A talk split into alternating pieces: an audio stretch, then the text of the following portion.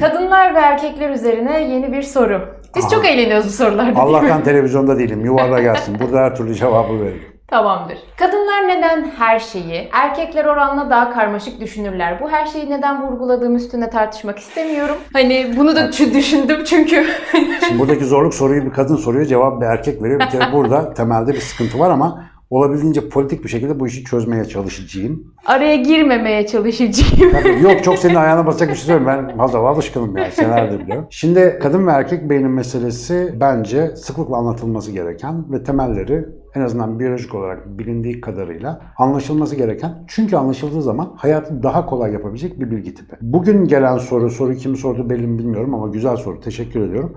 Aslında günlük hayatta hepimizin gördüğü bir gözlemin soruya dökülmüş hali. O da nedir? Kadın beyni gerçekten daha ayrıntıcıdır. Erkek beyni biraz daha doğrusal, direkt çalışır. Daha dolaysız olarak çözüme gitme eğilimindedir vesaire. Şimdi bunun neden böyle olduğunu nihai olarak söyleyebilecek bir nörobilim bilgisi henüz mevcut değil. Yani ben bilmiyorum diye değil, nörobilimin yetkinliği henüz bu kadar değil. Fakat nörobilimsel çalışmalarda gördüğümüz iki tane önemli şey var. Bunlardan bir tanesi Beyin bağlantısallık çalışmaları bir 12-13 senedir devam ediyor. Bu konnektom diye bir alan var. Hep bahsederiz sıklıkla. Konnektom çalışmalarında daha ilk senelerde bir şey gözüktü.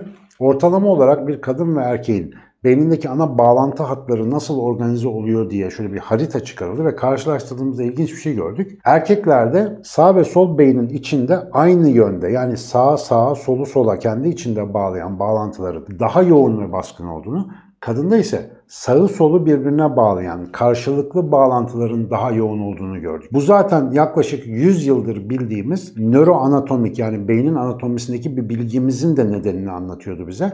Kadınların iki beyni birbirine bağlayan korpus callosum denen o bağlantı hattı erkeklere göre daha kalın. Bayağı da %20-30 oranında daha büyük yani. Demek ki kadınların iki beyin yarı küresi arasında ekstra trafiği sağlayan ilave bağlantılar var. Erkeklerde aynı yarı küreler içerisinde bağlantılar. Şimdi bu ne anlama geliyor? Hayal edebileceğiniz gibi aynı beyin yarım küresi içerisindeki bağlantılar daha hızlı işlev görebilen, daha kestirme sonuçlara varabilen zihinsel yollara işaret ediyor. En azından daha kuvvetli muhtemel. İki beyin yarım küresinin kullanılmasını gerektiren uzun bağlantılar ise her iki beynin herhangi bir işte birlikte devreye girmesini ve ikisi arasındaki senkronizasyonun davranışa yansımasını kontrol eden daha komplike devreler içeriyor. Birincisi bu temel bağlantısal işte harita yapısındaki farka baktığımızda erkek beyninin daha direkt, daha dolaysız, Kadın beynin ise daha çetrefilli, daha çok imkanı gözden geçirecek bir çalışma sistemine sahip olduğunu söyleyebilirsiniz. İkinci önemli bulgu, ben onu özellikle çok seviyorum. Default Mode Network çalışmaları diye bir çalışma alanı vardır nörobilimde. Bir insan hiçbir şey yapmadığı zaman böyle boş boş duruyor yani. yani kafasında da net bir şey düşünmediği bir an düşünün. O durumda beynimizin hani tabiri caizse araba böyle gaza basmanızda gır gır gır rölantide çalışır ya. Aynı rölantide çalışmasına benzer bir aktivitesi var ve bu her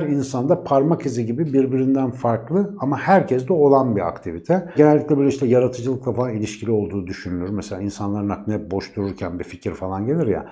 O default mode network'ün ya da varsayılan durum şebekesi diyebileceğimiz o şebekenin böyle bir işlevi olduğunu düşünüyoruz. Ha espri ne? Bizim buradaki soruyla ilgili olan kadın ve erkek arasındaki fark ilginç. Mesela erkekte default mode network'ü genellikle izlediğinizde, bu arada erkeklerin büyük bir çoğunluğunda, hepsinde değil. Beynin sadece arka, işte oksipital lobların, şu ense loblarının alt kısmı ve beynin ön tarafında az bir bölgenin çalıştığını görüyorsunuz. Yani erkekler herhangi bir şey yapmadığında beyin bayağı bir shutdown moduna geçiyor, bir kapatıyor kendini. Kadında bakıyorsunuz default mode network'e içeride festival var. Yani her taraf çalışıyor. Duygusal beyin, işte orbitofrontal korteks bu işte gözlerin arasındaki ön beyin bölümü, temporal loblar, arka taraf, üst taraf, yan taraf, içler, dışlar her türlü coşuyor. Şimdi buna baktığınızda açık ki beynin rölantide çalışma sistemi arasında bir fark var ve kadınların beyinleri herhangi bir göreve odaklanmadığı zaman bile beyinlerinin yaptığı sinirsel işe baktığınızda daha komplike bir dünyada yaşadıklarını söylemeniz çok kolay. Kolay. En azından nöral sinyaller bunu gösteriyor. Şimdi gelelim bunun davranıştaki farkı. Bilmiyoruz ne demek. Yani biliyormuş gibi yapmayalım. Ama tarihsel olarak, evrimsel olarak bakarsanız erkek ve kadının olası en makul hayatta kalmak için rol paylaşımları nasıl olmuş gibi gözüküyor. Zira yaklaşık 1,5 milyar yıldır dünyada eşeğli üreme var. 4,5 milyon yıldır bir insanlaşma süreci var ya da 18 milyon yıldır. Son 300 bin senede bir insan olma maceramız var yani son 50 bin yıldır modern insan olmak üzere. Şimdi bu süreçte kadın ve erkek birbirlerine rakip ya da ayrı varlıklar olarak takılsaydı insan neslinin devamı mümkün olmazdı. Bunlar arasında makul bir evrimsel işbirliği organize edilmiş olması lazım. Gerçekten de bakıyorsunuz avcı toplayıcı dediğimiz toplumda çok kabaca avcı fonksiyonunu daha ziyade erkek üstlenmiş gibi gözüküyor. İstisnalar olabilir. Toplayıcı stok kontrolü ve idame ettirici fonksiyonu da daha ziyade kadın almış gibi gözüküyor. Şimdi bakarsanız eldeki malzemeyi değerlendirme, ileride oluşabilecek besin ya da imkan açıklarını öngörebilme, işte bebeğin, eşin, şunun, bunun, komünitenin yapısını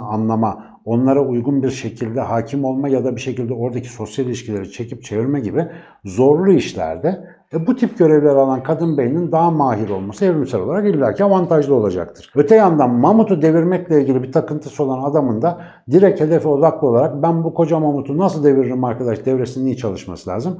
Böyle düşündüğünüzde çok şaşırtıcı bir sonuç değil. Şaşırtıcı olan ne? Bugün günlük hayatta kadın erkek eşitliği diye bir şey kovalıyoruz. Eşitlik tabiatta en büyük adaletsizliktir. Bunu mesela hukukta herkese eşitlik yapıldığını düşünün. Yani 5 yaşındaki bir çocukla 70 yaşındaki kişi aynı cezanın verildiğini düşünün. E bu eşitlik tabii ki eşitsizliktir. Bu eşitlik adaletsizliktir. Tabiatta da eşitlikten ziyade tamamlayıcılık ilkesi düşünülür. Ama biz günlük hayatımızda maalesef işte kadın erkek eşit olsun falan filan diye böyle nedenini bilmediğimiz bazı mottolarımız olduğu için eşitliği bozan her türlü yorum, işte algı, sonuç görmezden gelinebiliyor bazen. Ya "Hmm, bu böyle değil falan böyle olması lazım gibi düşünüyoruz. Halbuki biyolojik ayarların öyle biz birkaç yüz senedir bilmem ne yapmayı tercih ettik diye değişmeyeceğini hep anlatıyorum. Yani hepimiz annemizden aynı ayarlarla doğuyoruz. İşte fabrika ayarları dediğimiz şey bu. Ve o ayarları anlarsak yaşamımızda daha iyi, daha barışçıl olacağımızı düşünüyoruz. Mesela benim beylere sıklıkla verdiğim bir tavsiye.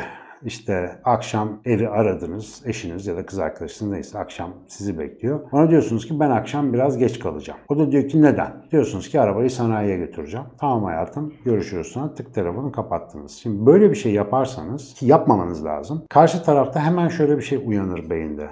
Ha, sanayiye gideceğim. Acaba gerçekten sanayiye mi gidecek? Ya başka bir şey. Hmm, tır tır tır. Başlar sistem farklı olasılıkları değerlendirmeye. Beylere şöyle bir öneri veriyorum. Ben genellikle gülümsüyorlar ama yapınca da işe yaradığını görüyorlar. E, bu arada gerçekten dürüst olun. Yalan söylemeyin yani onu baştan söyleyeyim. Mesela arabayı sanayiye götürecekseniz şöyle söyleyeyim. Ya hayatım hani geçen giderken araba bir tekledi ya. Ya bizim o işte gaz telinde bir sıkıntı varmış. Bizim Mahmut abim de geçenlerde olmuş. Acilen yaptırmazsan yolda bırakır. İşte arabanın motoruna şöyle hasar verir dedi. Ben o yüzden aradım. İşte Hikmet Usta'nın yeri bu akşam açıkmış. Onlar da geçe kadar kalıyorlarmış. Onunla bir randevulaştım. O gitmeden önce bir 10 dakika arabayı göstereceğim. Belki işte verin ayrıntıyı. Karşıdaki kadın beyninin devreleri bir okey olsun. Ah tamam desin. Evet bu gerçekten sanayiye gidiyor. Hani bu kadar detayı bir erkek beyninin yaratamayacağını zaten içsel olarak biliyor. Dolayısıyla bu arkadaş bana bu kadar detay verdiğine göre güvenli bir şekilde beraberliğime devam edebilirim. Şüphe etmeme gerek yoktur. Algısı oluşsun devam edelim. Şimdi bu bak hemen EQ daha düşük diyemeyiz arkadaşlar. Herkesin EQ'su kendine göre harika. Yani duygusal zekası erkeklerin düşüktür diye bir şey yok. Duygusal zeka herhangi bir zeka tipi işlev gördüğü yerde önemli. O ayrı. Erkekte hiçbir şey düşük ya da kadında ekstra bir şey yüksek falan değil. Hepsinin yerine göre kullanılabilen gayet uygun donanımları var. Sadece bu biraz önce verdiğim arabaya sanayi ters oldu. Yok. Sanayiye arabayı götürme örneği aslında beyinlerimizin nasıl farklı çalıştığını anlamak için hani en iyi mizah öğretir diye bir iddiam var. Öyle bir öğreticiliği var. Bir düşünün kadınlar dert anlatırken ne kadar detaylı anlatıyorlar. Erkek ne kadar hızlı sonuca gitmeye çalışıyor. Mesela erkeklerin muhabbeti ne kadar kısır ve kısa. Kadınların karşılıklı dertleşmesi günler sürebiliyor. Yani o telefon konuşmaları neden bitmiyor? Çünkü gerçekten beyinler daha komplike çalışıyor. Bizim bu komplikeliliğe ihtiyacımız var. Bizim derken açık beyin olarak kastetmiyorum. Dünya olarak. Bir iddiam var yaklaşık 10 yıldır bu işlerle uğraşmaya başladığım zamanın yarısında bu inancı taşıyorum bugüne kadar. Dünyadaki kritik kararların kadınlara verilmesi halinde ekstra cennet beklentisine girmemize gerek kalmaz. Burası gayet güzel bir yer olur. Çünkü kadın beynine güvenebilecek kadar sabırlı erkeklerin yetişmiş olduğu bir dünyada zaten yeterince cennet olurdu. Şu anda erkek beyninin o kısa yol bağlantılarıyla hızla alınan abuk kararların uygulandığı ve dünyanın o yüzden her cümerç olmanın sürekli eşiğinde gezdiği garip bir zamanda yaşıyoruz. Bu problemleri sadece insan çıkarıyor biliyorsunuz. Başkası çıkarmıyor. Ve maalesef erkekler yalnız kaldığı için bu problemi çıkarıyorlar. Benim kanaatim o. Kadın beyni olması gerektiği yerde devreye girse, kadınsı ilke, kadınsı zihinsel ilke hayatımızda gerçek yerini alabilse bu sorunun hiçbirinin yaşanmayacağını düşünüyorum. Daha önce defaatle söyledim, her webinlerimde bahsettim. Bir kere zaten işte eğitim şudur budur, işte yeni nesli bilmem ne yapalım falan deyip konuşuluyor ya. Kadınların eğitimine ve refahına harcadığımız parayı, eforu biraz arttırsak nesilleri ne kadar hızlı kurtarabildiğimizi göreceğiz. Çünkü her bebek annesinin çocuğudur, annesinin ürünüdür ve hepimizin beyni annelerimizin mimarlığı altında gerçekleşir. O yüzden anne ya da anne yerine geçen o ilk bakım veren kişinin bireyler üzerine de toplum üzerine de etkisi çok fazla. Kadın zihnini ihmal etmeyelim derim. Biz bunları o yüzden anlatıyoruz. Ama söyleyebilir miyim Allah aşkına? Bazı dümbelekler lafı kulaklarıyla dinlemedikleri için konuyu başka anlıyorlar. Bütün dümbeleklere selam olsun. Onları görürseniz selam söyleyin. Bu meselenin amacı budur efendim. Oh be gene kısaca cevap verdim.